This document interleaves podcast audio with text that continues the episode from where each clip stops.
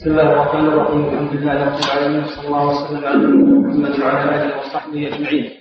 قال المؤلف رحمه الله تعالى وعن أبي هريرة رضي الله عنه قال قال رسول الله صلى الله عليه وسلم من أدرك من الصبح ركعة قبل أن تطلع الشمس فقد أدرك الصبح. ومن أدرك ركعة من العصر قبل أن تغرب الشمس فقد أدرك العصر. متفق عليه. ولمسلم عن عائشة رضي الله عنها نحوه. وقال السجدة بدل بدل بدل ركعة ثم قال والسجدة إنما هي الركعة وعن أبي سعيد الخدري رضي الله عنه قال قال رسول الله صلى الله عليه وسلم لا صلاة بعد الصبح حتى لا صلاة بعد الصبح حتى تطلع الشمس ولا صلاة بعد العصر حتى تغيب الشمس. متفق عليه. وفي لفظ مسلم لا صلاة بعد صلاة الصبح.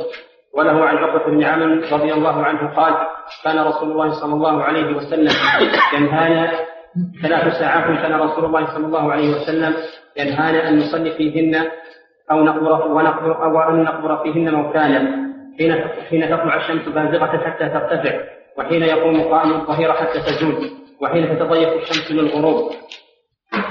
والحكم الثاني عند الشافعي بسند عن أبي هريرة رضي الله عنه بسند ضعيف وزاد إلا يوم الجمعة وكذا لأبي داود نحوه عن أبي قتادة.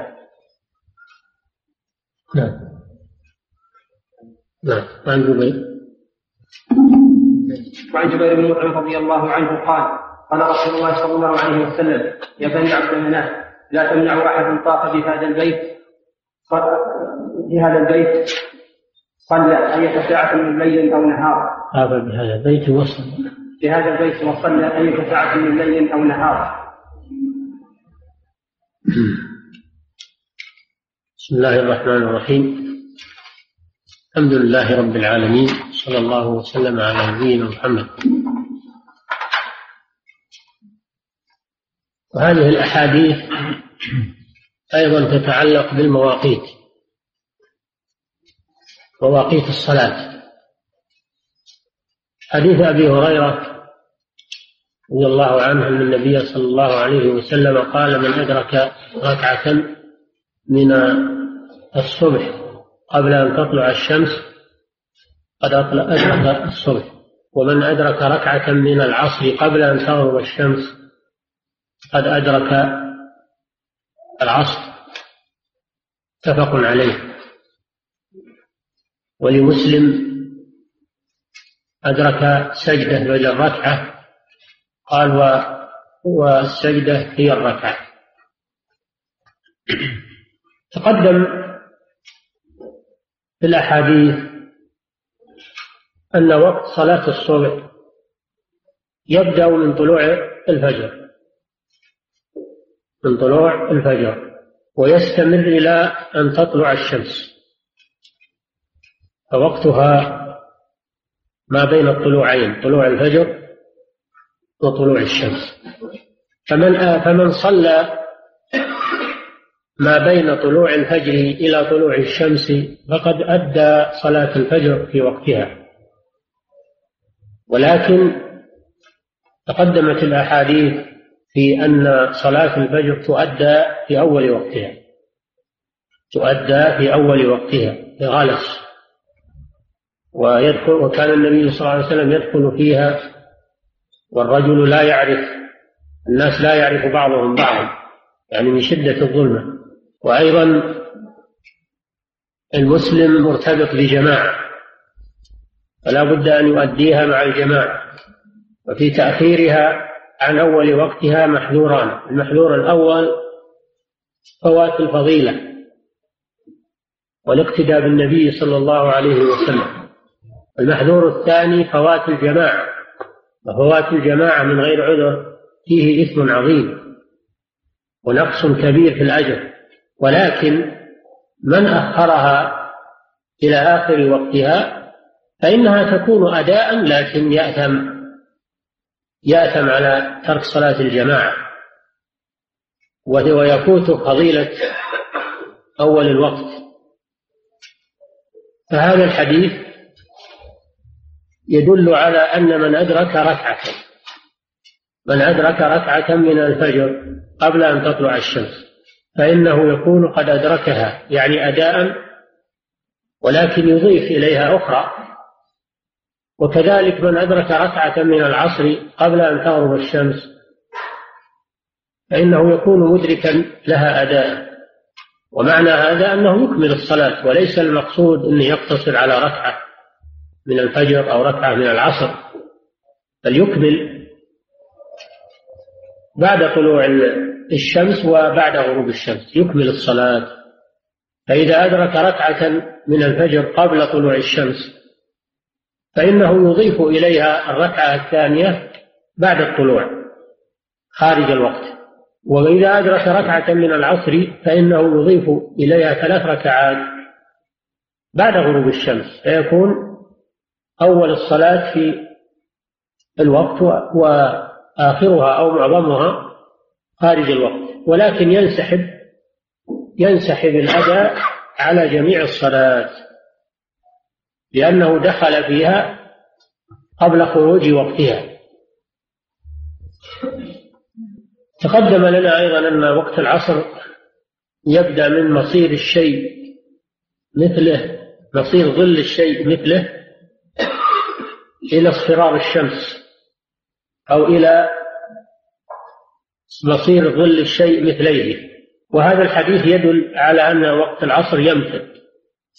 أكثر من هذا يمتد إلى غروب الشمس. ولكن العلماء يقولون ما قبل مصير الشيء مثليه أو ما قبل اصفرار الشمس هذا وقت اختيار. وأما ما بعد ذلك فهو وقت ضرورة. يسمونه وقت الضرورة. لا يجوز تأخير الصلاة إليه إلا لضرورة. ولكن على كل حال الحديث يدل على امتداد الوقتين وقت الفجر إلى طلوع الشمس ووقت العصر إلى غروب الشمس. وقوله في الرواية الثانية من أدرك سجدة فسر بأن المراد بالسجدة الركعة. فلا تختلف الروايتان. وهذا التفسير إن كان من الرسول صلى الله عليه وسلم فلا إشكال. وإن كان هذا التفسير من الراوي فالراوي أدرى بما روى أيضا. على كل حال هذا التفسير يبين أن المراد بالسجدة الركعة. فدل هذا الحديث على مسائل. المسألة الأولى امتداد وقت صلاة الفجر من طلوع الفجر إلى طلوع الشمس وهذا لا خلاف فيه. ثانيا امتداد وقت صلاة العصر من مصير الظل مثل الشاخص أو مصير ظل الشيء مثله إلى أن تغرب الشمس. ثالثا دل الحديث على أن أن الصلاة لا تدرك أداء إلا بإدراك ركعة منها قبل خروج الوقت. وأن من أدرك أقل من الركعة فإنه لم يكن مدركا للصلاة في وقتها. وهذا قول الجمهور هذا قول جمهور أهل العلم أن الصلاة لا تدرك في الوقت إلا بإدراك ركعة منه فأكثر. وذهب طائفة من العلماء إلى أنه يدرك تدرك الصلاة بإدراك تكبيرة الإحرام. فإذا كبر للإحرام قبل خروج الوقت كان مدركا للصلاة في وقتها لأنه دخل فيها في الوقت وانعقدت في الوقت فيكون مدركا لها أداء ولو كملها كلها بعد خروج الوقت ما دام أنه شرع فيها قبل خروج الوقت هذا قول لبعض العلماء هو عند الحنابلة أيضا. ولكن الراجح الأول الراجح هو القول الأول أنها لا تدرك في وقتها إلا بإدراك ركعة كاملة. لأن هذا هو الذي دلت عليه الأحاديث. وأما رواية سجدة فإنها كما فسرت من المراد بها الركعة. فلا اختلاف بين الروايتين. وهذا التفسير كما ذكروا إن كان من الرسول صلى الله عليه وسلم فلا إشكال فيه وإن كان من الراوي فالراوي أدرى بما روى ويكون حجة. فلا تدرك الصلاة في وقتها بأقل من إدراك ركعة. وكما ذكرنا أنه يكون مدركا لها أداء ولكن يأثم. يأثم إذا ترك صلاة الجماعة فإنه يأثم بتركه لصلاة الجماعة. وتصح صلاته أداء لأنه أدرك الوقت. وفاتته الفضيلة أيضا فضيلة الصلاة في أول وقتها. فإن الأحاديث جاءت بالترغيب في الصلاة في أول وقتها. وجاء في الحديث أن أول الوقت رضوان الله.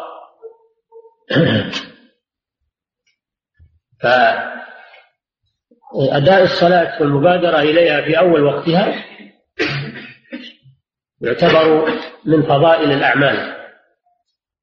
ويتعلق بهذا الحديث أيضا مسألة وهي لو أدرك ركعة لو لو دخل عليه وقت العصر مثلا أو وقت الظهر أو وقت الفجر أو وقت العشاء دخل عليه وقت الصلاة ثم عرض له عارض عرض له عارض إما موت وإما امرأة حاضت امرأة حاضت قبل أن تصلي فهل يقضيها تقضي الحائض هذه الصلاة التي أدركت أول وقتها ثم حاضت؟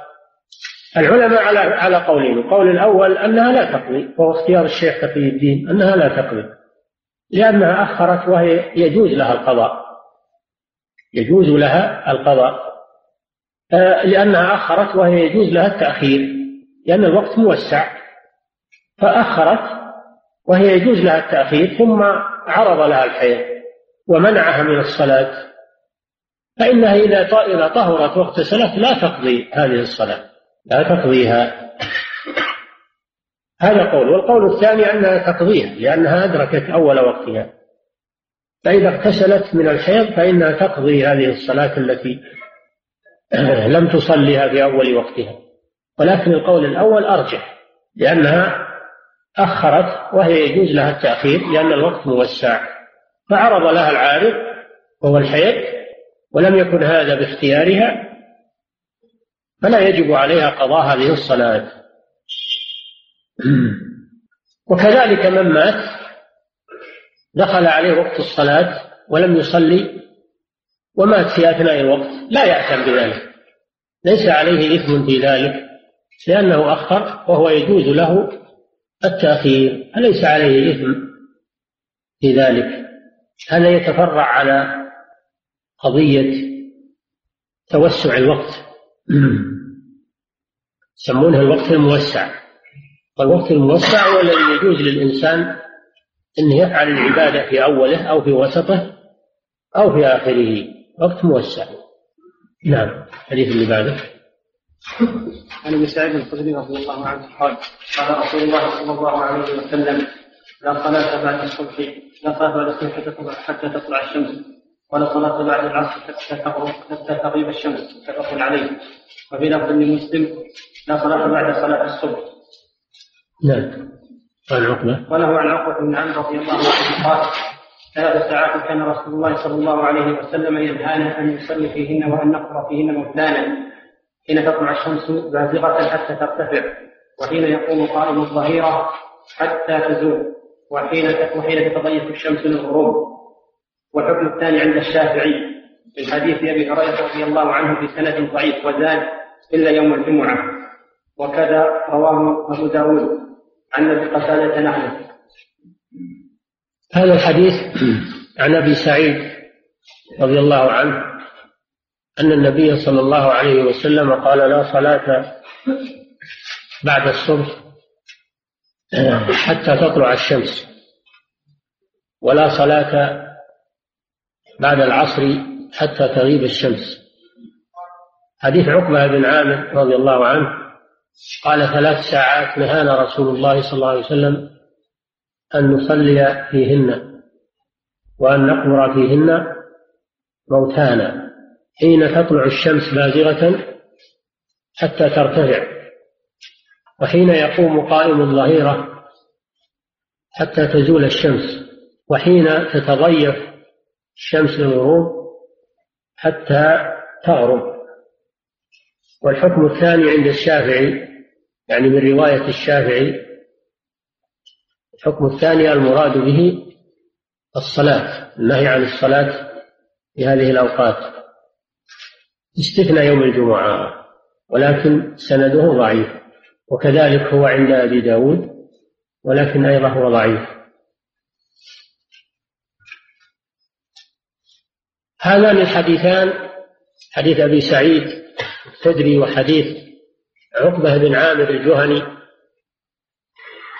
فيه فيهما بيان أوقات النهي أوقات النهي.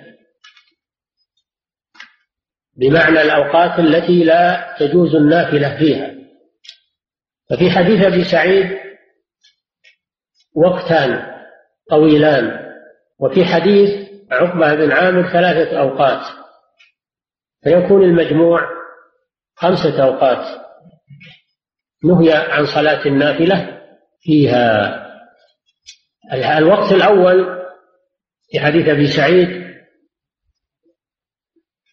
من طلوع الصبح حتى تطلع الشمس.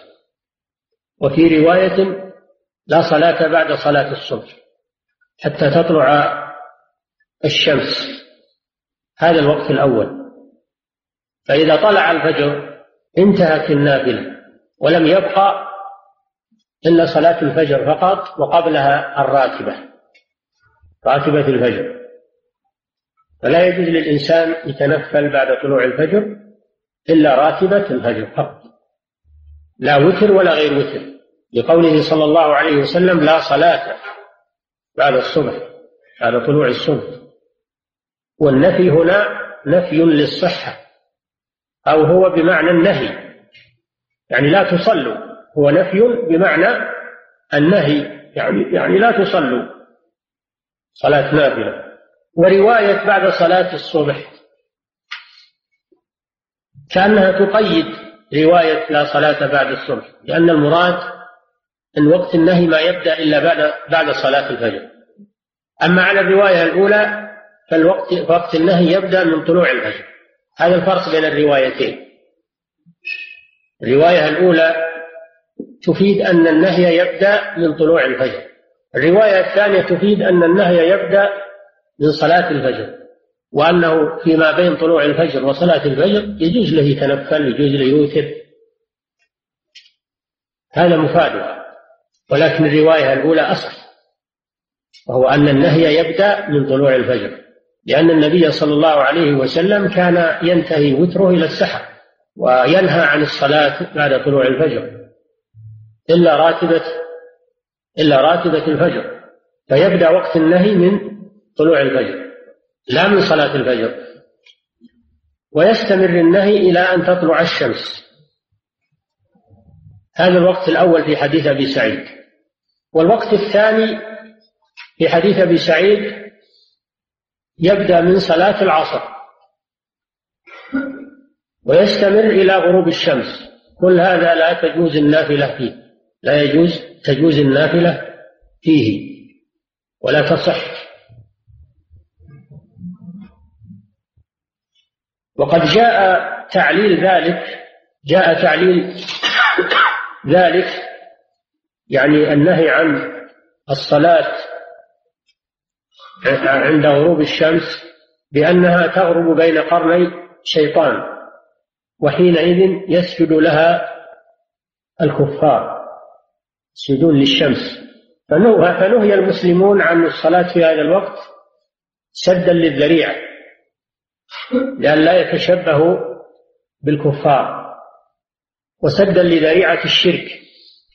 أما في حديث عقبة بن عامر رضي الله تعالى عنه عقبة بن عامر الجهني ففيه أن النبي صلى الله عليه وسلم نهى في ثلاث ساعات عن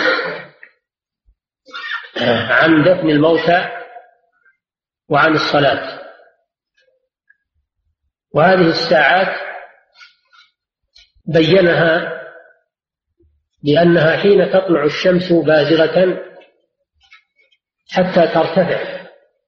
هذه ساعة. الساعة الثانية حين يقوم قائم الظهيرة حتى تزول الشمس. الثالث حين تتضيف الشمس للغروب حتى تغرب. فقوله حين تطلع الشمس بازغة تطلع يعني من الأفق تطلع من الأفق بازغة يعني نقية نقية بأشعتها ونورها حتى ترتفع ترتفع في الأفق. وقد جاء في الرواية الثانية مقدار الارتفاع وهو أنه قيد رمح ترتفع قيد رمح. وفي رواية قيس قيس رمح حديث عمرو بن عبس السلمي قيس رمح أو قيد رمح. وهو الرمح المعروف عند العرب السلاح الذي يستعملونه وقد جاء تعليل ذلك بأن الشمس تطلع بين قرني الشيطان وحينئذ يسجد لها الكفار. فنهي المسلمون عن الصلاة في هذا الوقت سدا لذريعة الشرك. ومنعا من التشبه بالكفار. والثاني حين يقوم قائم الظهيرة. وسط النهار حين تتوسط الشمس في كبد السماء تعلو على الرؤوس ولا يكون هناك ظل ينتهي الظل من جهة الشرق من جهة الغرب. ينتهي الظل من جهة الغرب ولا يبقى ظل من جهة الغرب. هذا معنى قائم الظهيرة حتى تزول الشمس يعني عن وسط السماء. ويظهر ظل من جهة المشرق وهو ما يسمى بالفي وقيل قائم الظهيرة معناه قائم الظهيرة معناها أن الإبل الباركة تقوم من شدة الحر. الإبل الباركة تقوم في هذا الوقت من شدة حر الأرض حر الرمضة هذا معنى قائم الظهيرة. والمعنى واحد. المهم أنها إذا توسطت السماء على الرؤوس وانتهى الظل من جهة المغرب فإنها تمنع الصلاة. إلى أن ت... إلى أن تزول الشمس إلى جهة الغرب ويبدو ظل من جهة الشرق. حينئذ يدخل وقت الظهر وتباح الصلاة. النوافل. قالوا وهو وقت قصير وقت قصير. ولكن لا يجوز أن يبتدئ فيه صلاة ولا يجوز أن يدفن فيه ميت في هذا الوقت وإن كان قصيرا. وقد جاء تعليل ذلك لأنها لأن هذه الساعة التي هي وقت قائم الظهيرة وقت تسعر فيه جهنم. تسعر فيه جهنم. فكرهت الصلاة فيه في هذا الوقت. الوقت الثالث حين تتضيف الشمس للغروب. تتضيف يعني تميل. تتضيف تقرب. تقرب من الغروب حتى تغرب. والعلة في ذلك كما سبق. أنه تغيب بين قرن الشيطان ويسجد لها الكفار. فنهي المسلمون عن الصلاة في هذا الوقت. سدا لذريعة الشرك ومنعا للتشبه بالكفار. فهذه الثلاثة الأوقات نهي فيها عن شيئين عن الصلاة عن صلاة النافلة. الشيء الثاني دفن دفن الأموات. والمقصود أنه لا يتحرى هذه الأوقات لدفن الأموات أما لو شرعوا يدفنون الميت وطلعت الشمس وهم يدفنونه يستمرون ما يخالف ما يتوقفون. أو شرعوا يدفنونه قبل الزوال ثم صادق وقت الزوال وهم يدفنونه ما يخالف يستمرون. أو يشرعوا يدفنونه بعد العصر وغابت الشمس وهم يدفنون ما يخالف يستمرون. لأنهم ما قصدوا هذا. إنما النهي لمن قصد هذه الأوقات. وقتا للدفن. أما من أتت عليه وهو يدفن فلا مانع من أنه يستمر ويكمل. الرواية التي عند الشافعي وعند أبي داود تستثني يوم الجمعة. يعني من الصلاة وقت قائم الظهيرة. تستثني يوم الجمعة من جواز الصلاة وقت قائم الظهيرة صلاة النافلة. والروايتان ضعيفتان. لا تقوم بهما حجة. ولكن جاء في الحديث الصحيح أن النبي صلى الله عليه وسلم حث على التبكير لصلاة الجمعة وأن يصلي ما قدر له. يصلي ما قدر له. فهذا دليل هذا الإطلاق أنه يصلي ما قدر له هذا الإطلاق يتناول وقت الظهيرة إنه يصلي حتى وقت الظهيرة من جاء إلى المسجد يوم الجمعة قبل دخول الإمام فإنه يصلي ولو كان وقت قائم الظهيرة ولو كان وقت توسط. لأن الرسول صلى الله عليه وسلم أطلق وقال يصلي ما قدر له. أيضا الصحابة رضي الله عنهم كانوا يأتون إلى الجمعة ويستمرون في في الصلاة حتى يخرج الإمام. يستمرون في صلاتهم حتى يخرج الإمام ولم يكونوا يتوقفون عند قيام الشمس في وسط السماء. ما كانوا يتوقفون بل يستمرون في الصلاة إلى أن يخرج الإمام للخطبة.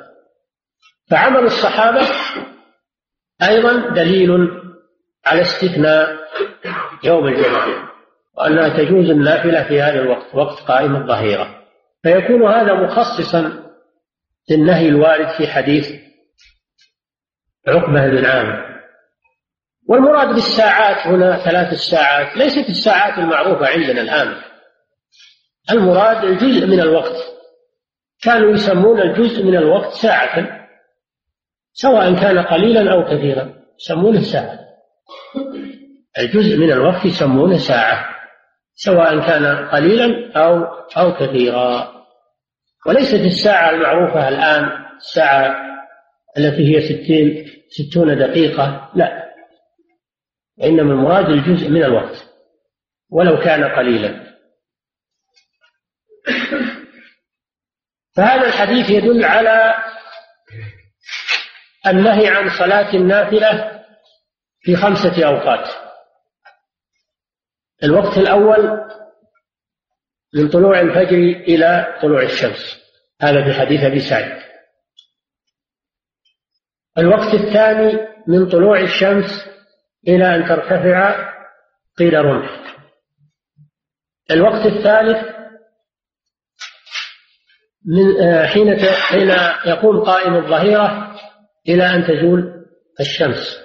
الوقت الثالث الرابع من صلاة العصر الوقت الرابع من صلاة العصر إلى أن تتضيف الشمس للغروب. هذا من حديث أبي سعيد. الوقت الخامس حين تتضيف الشمس للغروب إلى أن تغرب هذا من حديث عقبة بن عامر. فيكون المجموع خمسة أوقات. نهي عن الصلاة فيها. يعني صلاة النافلة والحديث بعمومه يمنع سائر النوافل. النافلة التي ليس لها سبب والنافلة التي لها سبب. النافلة التي ليس لها سبب وهي التي يبتدئها الإنسان بدون سبب. أما النافلة التي لها سبب فهي مثل دخول المسجد. للجلوس فيه. قد قال صلى الله عليه وسلم إذا دخل أحدكم المسجد فلا يجلس حتى يصلي ركعتين. فسبب صلاة الركعتين ما هو؟ هو دخول المسجد للجلوس فيه. صلاة الجنازة من ذوات الأسباب أيضا. صلاة الجنازة من ذوات الأسباب.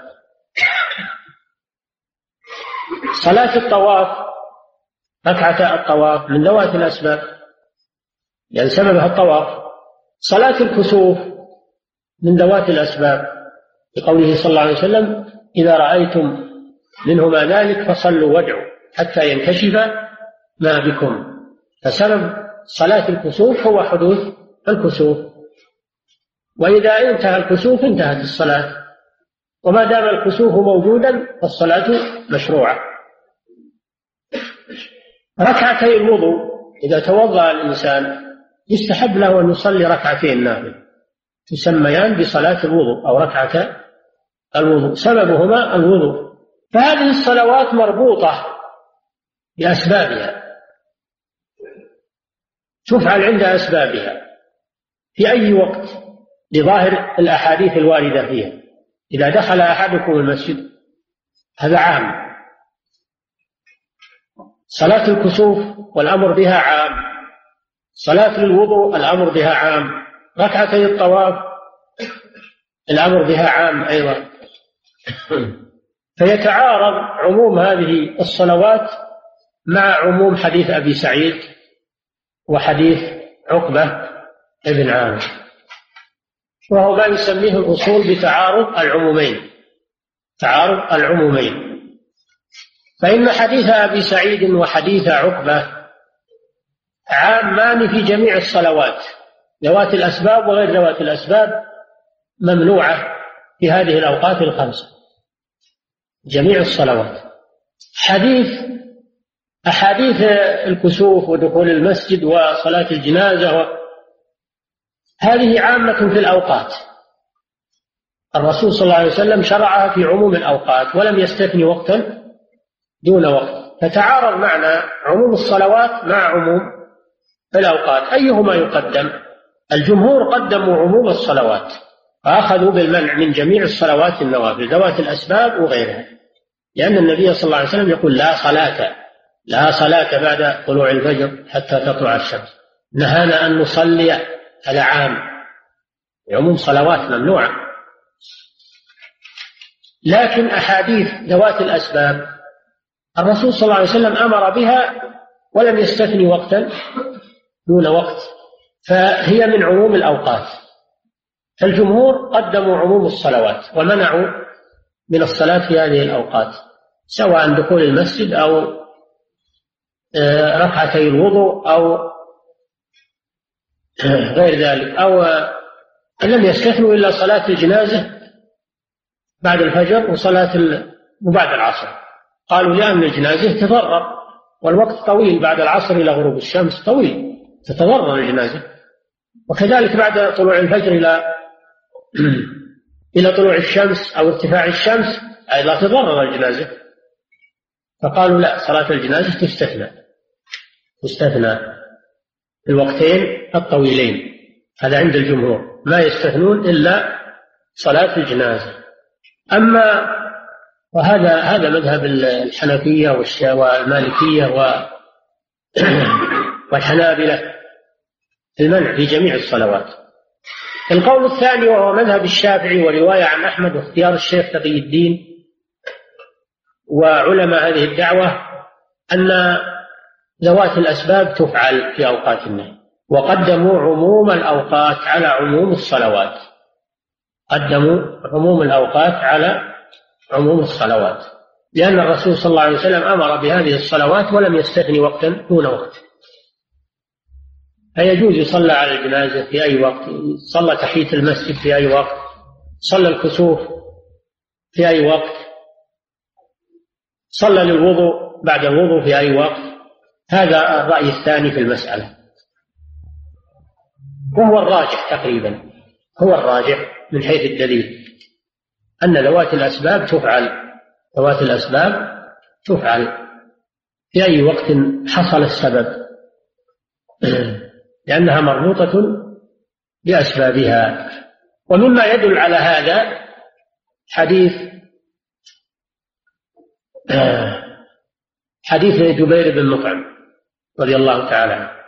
قال قال رسول الله صلى الله عليه وسلم يا بني عبد مناف لا تمنعوا أحدا طاف بهذا البيت وصلى أية ساعة من ليل أو نهار. النبي صلى الله عليه وسلم النبي صلى الله عليه وسلم منع بني هاش بني بني عبد مناف أن يمنعوا من صلاة من الصلاة صلاة الطواف ركعتي الطواف أية ساعة من ليل أو نهار ولم يستثني شيئا. يكون هذا مخصصا لحديث أبي سعيد وحديث حديث عقبة بن عامر. وإذا خصص بركعتي الطواف وهما ذوات سبب خصص بغيرهما من ذوات الأسباب. هذا تخصيص بالنص. فيخصص غيرهما من ذوات الأسباب من باب من باب أولى. هذا يؤيد ما ذهب إليه الذين يجيزون ذوات الأسباب في أوقات النهي وأنها مستثنات فيكون النهي قاصرا على الصلاة المبتدأة بدون سبب. الصلاة المبتدأة بدون سبب هذا محل النهي. أما ذوات الأسباب فهي مستثنات فهذه الأحاديث حديث أبي سعيد حديث عقبة حديث جبير بن مطعم.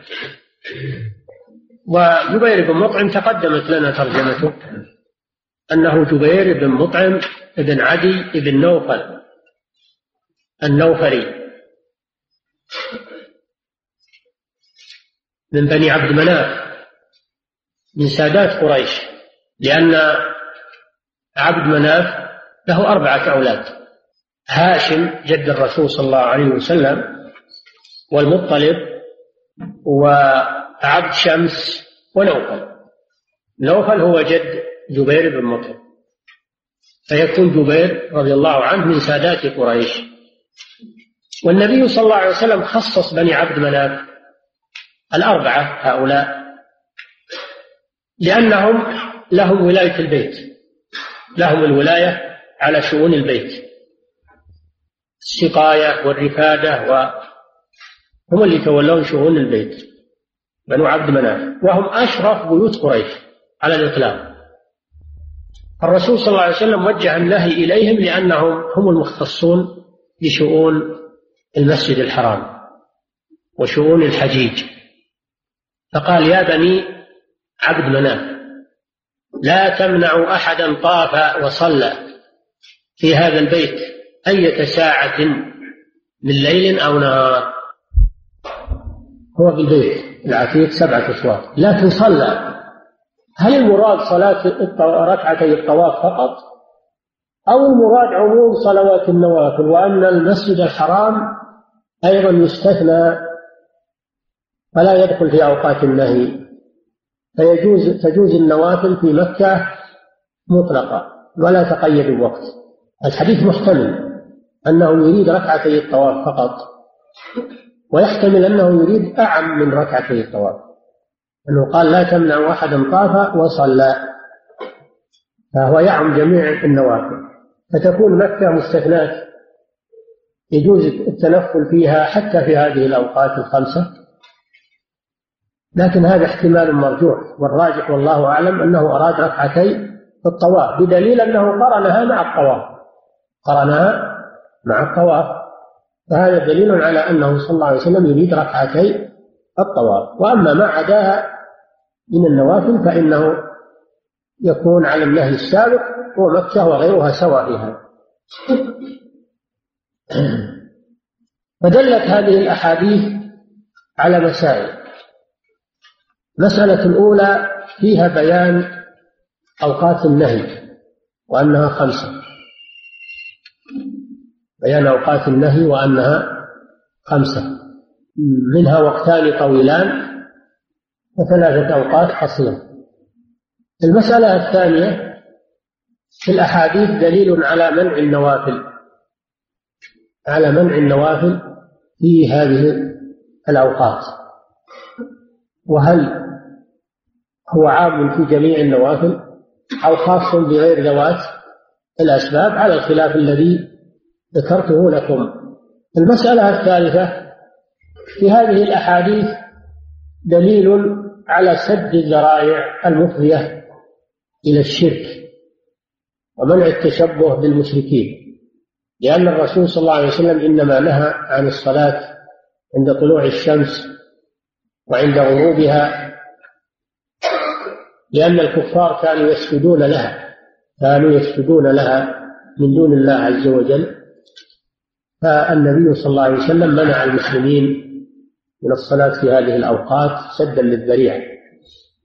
كما نهى عن الصلاة عند القبور منع من الصلاة عند القبور. وإن كان المصلي يصلي لله يعني ما تجي تصلي الظهر عند قبر أو العصر عند قبر. مع أن صلاة العصر وصلاة الظهر فريضة لكن ما تصليها عند قبر سدا للذريعة. لئلا يفضي هذا إلى عبادة القبور ودعاء القبور من دون الله. فالنبي صلى الله عليه وسلم أبعد الأمة عن وسائل الشرك حفاظا على التوحيد وعلى العقيدة. وهذه مسألة مهمة جدا مسألة سد الذرائع المفضية إلى الشرك. المسألة الرابعة استثناء يوم الجمعة من جواز النافلة فيه وقت قيام الشمس لأن هذا جاءت فيه روايات وإن كانت ضعيفة هو أيضا عمل الصحابة وعموم قوله صلى الله عليه وسلم من بكر فصلى ما تيسر له هذا عام ولم يقيده بوقت. فيدل على أن يوم الجمعة مستثنى. بوقت الزوال تجوز الصلاة فيه. والناس يستمرون الآن في صلاتهم إلى أن يدخل الإمام. العمل على هذا الآن على هذا. المسألة الخامسة الحديث دليل على استثناء ركعتي الطواف. من عموم النهي عن الصلاة في هذه الأوقات الخمسة. استثناء ركعتي الطواف. من النهي عن الصلاة في هذه الأوقات الخمسة. وأنهما تصليان في أي وقت. لأنهما تابعان للطواف. فكما أن الطواف لا يمنع منه في أي وقت فكذلك الصلاة لا يمنع منها في أي وقت. المسألة السادسة فيه أن من ولي أمور المسجد الحرام من ولي أمور المسجد الحرام فإنه يجب عليه أن ييسر أن ييسر أمور العبادة بقاصد المسجد الحرام ويهيئ لهم يهيئ لهم الوسائل للعبادة في أي وقت ليل أو نهار وأن المسجد الحرام لا يغلق ليل ولا نهار. ولا يمنع الطواف ليل ولا نهار ولا صلاة الطواف ركعتي الطواف ليل أو نهار. إلا إذا عرض عارض يقتضي يقتضي المنع كخوف أو وقت يعني فتنة هذا شيء آخر. لكن مع تيسر الأمور والأمن والأمن ولله الحمد ميسر للمسجد الحرام دائما. من دخله كان آمنا. الله جعل الأمن أولم يروا أن جعلنا حرما آمنا ويتخطف الناس من حولهم. أولم نمكن لهم حرما آمنا يجبى إليه ثمرات كل شيء. وهذا البلد الأمين دعوة إبراهيم عليه الصلاة والسلام. رب اجعل هذا البلد آمنا. واجعل هذا بلدا آمنا. دعوة إبراهيم وإسماعيل عليهم السلام. فهما آمنان بأمان الله. وقد يحصل أحيانا يحصل أحيانا اعتداء من بعض الطواغيت كما حصل من القرامطة وأشباههم ولكن هذه أمور عارضة ولله الحمد تزول. فالحاصل أنه يجب على الولاة الذين يتولون شؤون الحرمين أن ييسروا أمور العبادة للناس. والمسجد الحرام الذي جعل إن الذين كفروا ويصدون عن سبيل الله والمسجد الحرام الذي جعلناه للناس سواء العاكف فيه والباد ومن يرد فيه بإلحاد بظلم نذقه من عذاب أليم. وإن جعلنا البيت مثابة للناس وأمنا والحمد لله. الآن متحقق هذا. الأمان والراحة وتيسير العبادة للناس وفتح أبواب الحرم للناس ليلا ونهارا وعمل وسائل الراحة لهم. هذا والحمد لله متيسر. ونسأل الله أن يعين القائمين على هذا الأمر وأن يشد أجرهم وأن ييسر لهم كما يسر للناس أمور العبادة. صلى الله وسلم على نبينا محمد على آله وصحبه أجمعين. được.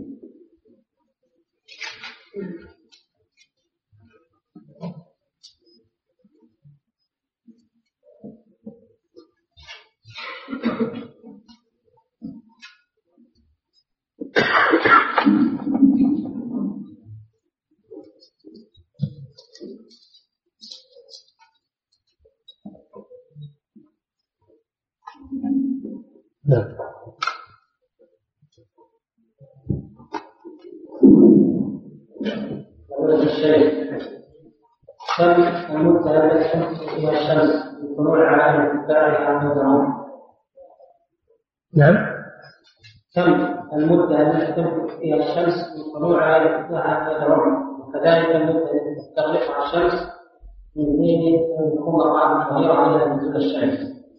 هذا يراجع فيه التقويم يراجع فيه حساب التقويم. التقويم موجود الآن راجعون تعرفون هذا. هو الظاهر أنه ما يتجاوز بضع دقائق يعني بزوغها وارتفاعها ما يتجاوز بضع دقائق. أما أما قيامها في وسط السماء فهذا يمكن ثواني أقل من الدقيقة أقل من الدقيقة. نعم.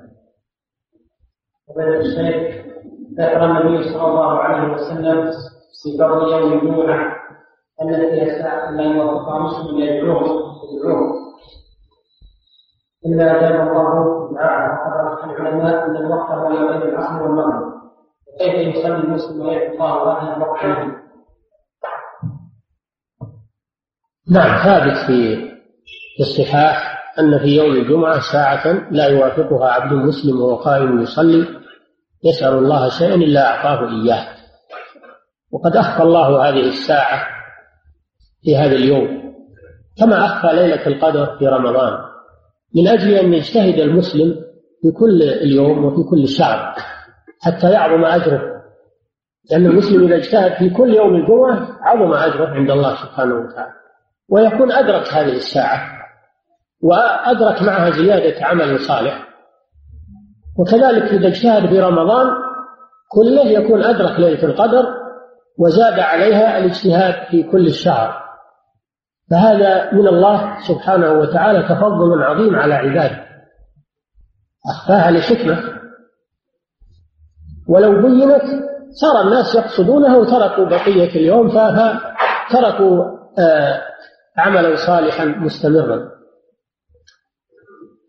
والعلماء اجتهدوا في تحري هذه الساعة كما اجتهدوا في تحري ليلة القدر في شهر رمضان. كل ذهب إلى قول حسب ما يظهر لهم من الأدلة. الإمام أحمد يرجح أنها آخر ساعة من يوم الجمعة بعد العصر. آخر ساعة بعد العصر من يوم الجمعة. يرجح هذا الإمام أحمد. وبعضهم يرجح أنها من دخول الإمام إلى أن تنتهي الصلاة.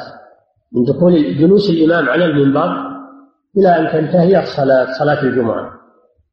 وبعضهم يرجح غير هذا. والله أعلم. ولكن على القول بأنها بعد العصر فليس المراد بالصلاة ذات الركوع والسجود لأن هذا وقت نهي. وإنما المراد بالصلاة هنا الدعاء لأن الدعاء يسمى صلاة. الدعاء يسمى صلاة. فالمراد وهو قائم يصلي يعني قائم يدعو. نعم. جاء في النبي الصلاة في أوقات الليل ومنها من بعد صلاة الفجر حتى تطلع الشمس بينهم وكيف يقدر قوله صلى الله عليه وسلم نعم جاء جاء جاء في حديث النهي نعم الصلاة في أوقات الليل ومنها من بعد صلاة الفجر حتى حتى طلوع الشمس بينهم ارتفاع ارتفاع الشمس فكيف نقدر قوله صلى الله عليه وسلم قلب رجل؟ رمح معروف رمح عند العرب الرمح عصا طويلة فيها في في رأسها في رأسها حديدة مدببة يطعنون بها يطعنون بها الخصوم في الحرب. نعم. فضيلة الشيخ إذا لم نستطع صلاة سنة الفجر هذه السنة أن نصليها بعد الصلاة مباشرة؟ بعضهم يقول الرمح الهذيلي الرمح الهذلي. الله أعلم تخصيصه بالهذلي ما أدري لكن قيد الرمح مطلق. الرمح معروف عند العرب أنتم ما تعرفون. لكن ممكن تروحون للآثار وتشوفون تروحون لدور الآثار وتشوفون الرماح رماح العرب فيها. نعم. فضيلة الشيخ إذا لم يستطع صلاة سنة الفجر. الظاهر والله أعلم أنه إذا ارتفعت وذهب عنها السفرة إذا ارتفعت من الأفق وذهبت عنها السفرة وصفى شعاعها دخل وقت الصلاة صلاة النافلة. نعم. نعم. الشيخ إذا لم يستطع صلاة سنة الفجر كان السنة يصليها بعد الصلاة مباشرة أم عند ضوء الشمس واضحة؟ من فاتته سنة الفجر قبلها فله أن يصليها بعدها مباشرة. لأن النبي صلى الله عليه وسلم رأى رجلا يصلي بعد الفجر فسأله فقال إنه فاتته ركعتا الفجر فأقره النبي صلى الله عليه وسلم على ذلك ولم ينهه. ولكن العلماء يقولون إن أخرها إلى الضحى فهو أفضل. إن أخر ركعتي الفجر إلى الضحى فهو أفضل. وإن خاف أنه ينساها أو أنه ينشغل عنها فالأفضل أن يصليها بعد الفجر لأن لا تضيع. لكن إذا كان أنه ما ينساها ولا ينشغل عنها كونه يؤخرها إلى ارتفاع الشمس أفضل. نعم. هل المقصود بالحديث من أدرك أدرك الركوع أم ركعة كاملة؟ أدرك ركعة كاملة بسجدتيها بقيامها وركوعها وسجدتيها هذه الركعة. هذه قالها الركوع. ما قال من أدرك الركوع ومن أدرك ركعة. يعني ركعة كاملة بقيامها وركوعها وسجدتيها. نعم. الشيخ الاستخارة من ذوات الأسباب وهل يجوز صلاة في وقت؟ ليست من ذوات الأسباب. صلاة الاستخارة الاستخارة ليست من ذوات الأسباب لأنها لم لم تحدد في في وقت معين. فيؤخرها إلى أن يخرج وقت النهي. يؤخرها إلى أن يخرج وقت النهي. نعم. ذوات الأسباب هي التي يحدث لها سبب يحدث لها سبب الكسوف. الإنسان ما له حيلة في الكسوف. يحدث يحدث بأمر الله سبحانه وتعالى. الجنازة الجنازة ما ما هو بيدينا سببها بيد الله سبحانه وتعالى الموت. كذلك دخول المسجد أيضا يدخل الإنسان لحاجة ولا بيجلس ولا نمنعه عند الباب نقول لا تدخل. يدخل يصلي ركعتين ويجلس. هذا من ذوات الأسباب. لكن الاستخارة أمرها بيده. هو آه. نعم.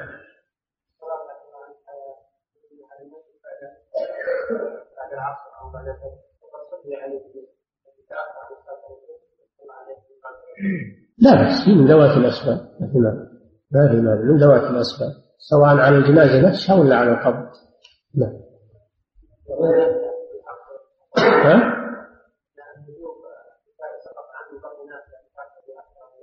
فيه نافلة من ذوات الأسباب فيه نافلة من ذوات الأسباب. كلام في النوافل الآن. نعم. الشيء ذكرت في حديث عقبة بن عامر أن المقصود بالساعات من ذكرها الحديث جزء من الوقت وليس مثل الساعة الموجودة عندنا السؤال ما المقصود بالساعات من ذكرها في يوم الجمعة مذكرة الساعة الأولى هي كذا أجزاء أجزاء من الوقت. المراد بها الأجزاء من الوقت وليس المراد بها الساعة المعروفة الآن. نعم. بها الأذان؟ بها الأذان؟ يعني يشوف المؤذن حضر دخل الوقت؟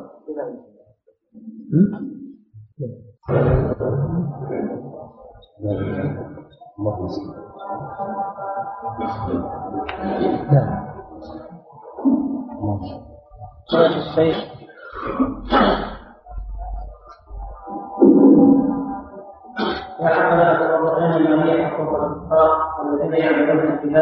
قبل قبل السؤال اللي انت تركته الساعات اللي يتعلق بالساعات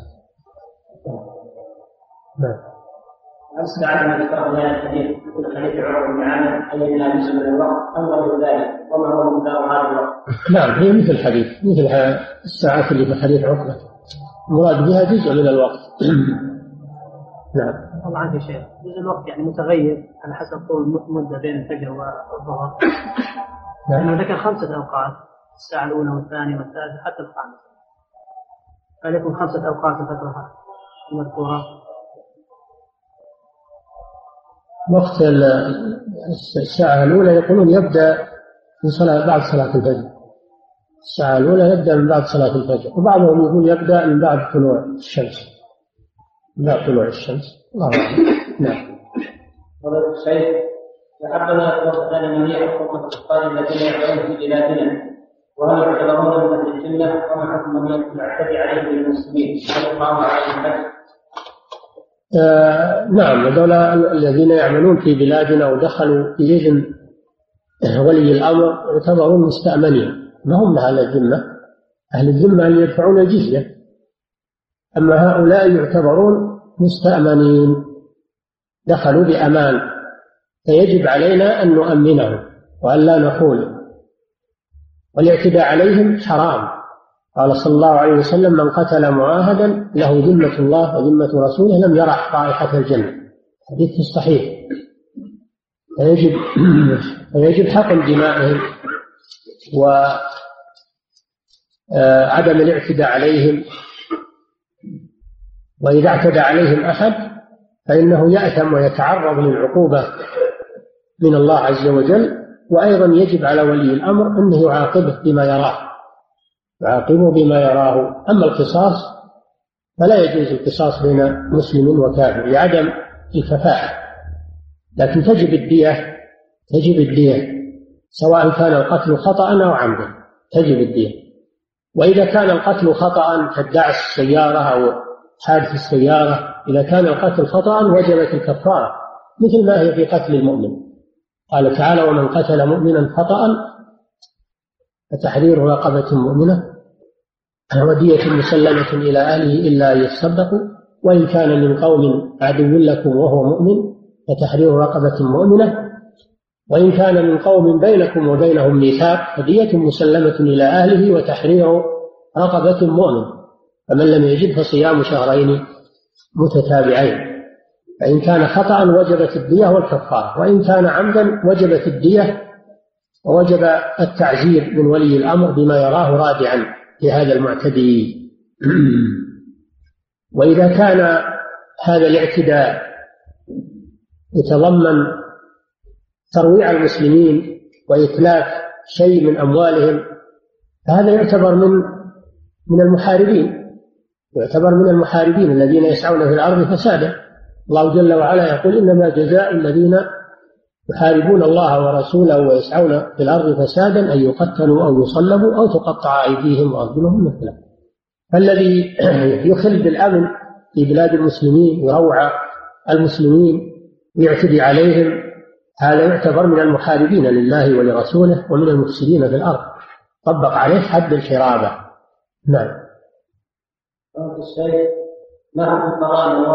ما؟ النوافل لا تقضى في أوقات النهي النهي إلا راتبة الفجر كما سبق. راتبة الفجر. تقضى بعد الفجر. لآكديتها ولأن النبي صلى الله عليه وسلم رأى الذي يقضيها ولم ينكر عليه. وبعض العلماء يقول وراتبة الظهر تقضى بعد العصر لأن النبي صلى الله عليه وسلم قضاها بعد العصر.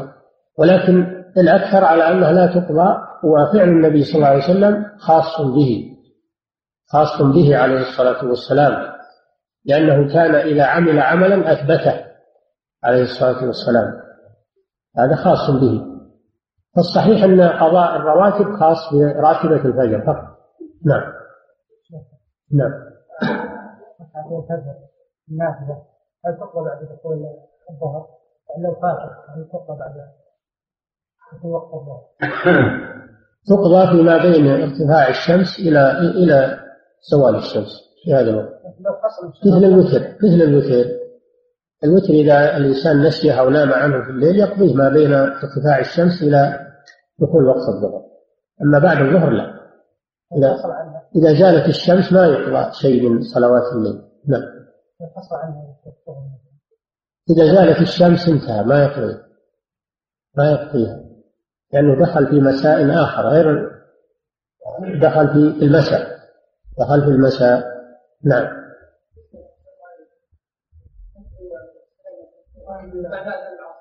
ها؟ هذا إيش؟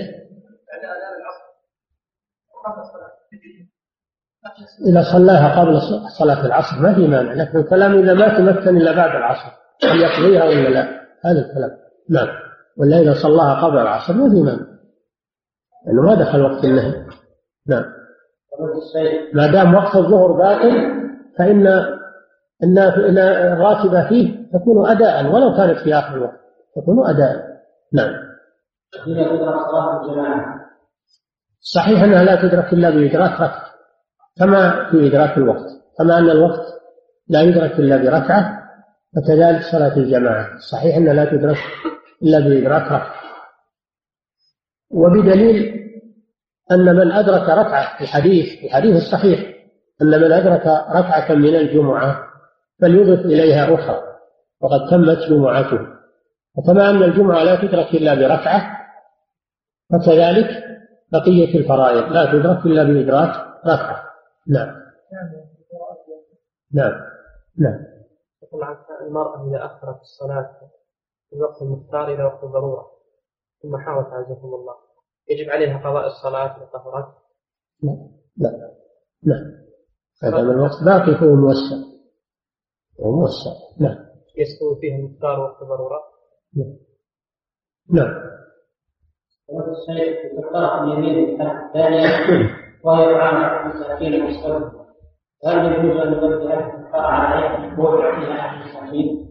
هل يجوز؟ النقود ما تجزي عن عن الكفارة لأن الله حددها بإطعام عشرة مساكين أو كسوتهم أو تحرير رقبة. حددها بثلاث خصال مخيرة وليس منها النقود. النقود هذه ما ما تجزي في الكفارات ولا في صدقة الفطر ما تجزي النقود. لأن النبي لأن الله سبحانه والرسول صلى الله عليه وسلم حدد هذا الإطعام والكسوة. فلا يجوز مخالفة النص لا يجوز مخالفة النص من أجل اجتهاد رآه الإنسان. نعم. لا اجتهاد مع النص. نعم. فضيلة الشيخ إذا كان زوجته ذهب تريد زكاة وهو وليس معها وقت زكاة المال تخرجه فهل يعطيها من تخرج زكاة من مالها؟ جزاك الله خير طيب إذا ساعدتها وأخرجت الزكاة عنها فأنت محسن وأبرأت ذمتها نعم. قضية الشيخ ما حكم التبرع بأعضاء الجسم بعد الوفاة؟ الإنسان ما يملك أعضاء حتى يتبرع بها ما يملكها ما هي ملك له فلا يتبرع بها ولا يترك الناس يعبثون بجسمه بعد وفاته يمثلون به هذا ما يجوز. نعم. هذا من العبث. نعم. فضيلة الشيخ ما حكم المدينة الذين تمنحوا القرآن فرحا بهذا الأموال في الله يقويه. طيب. يحط وليمة ويدعونا صالح نعم.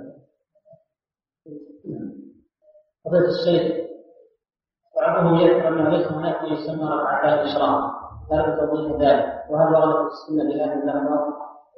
لا ما فيها. الإشراق هذا عند العوام. لكن ورد إن على كل سلامة من الناس صدقة. ثم إلى أن قال صلى الله عليه وسلم ويجزئ عن ذلك ركعتان تركعهما من الضحى.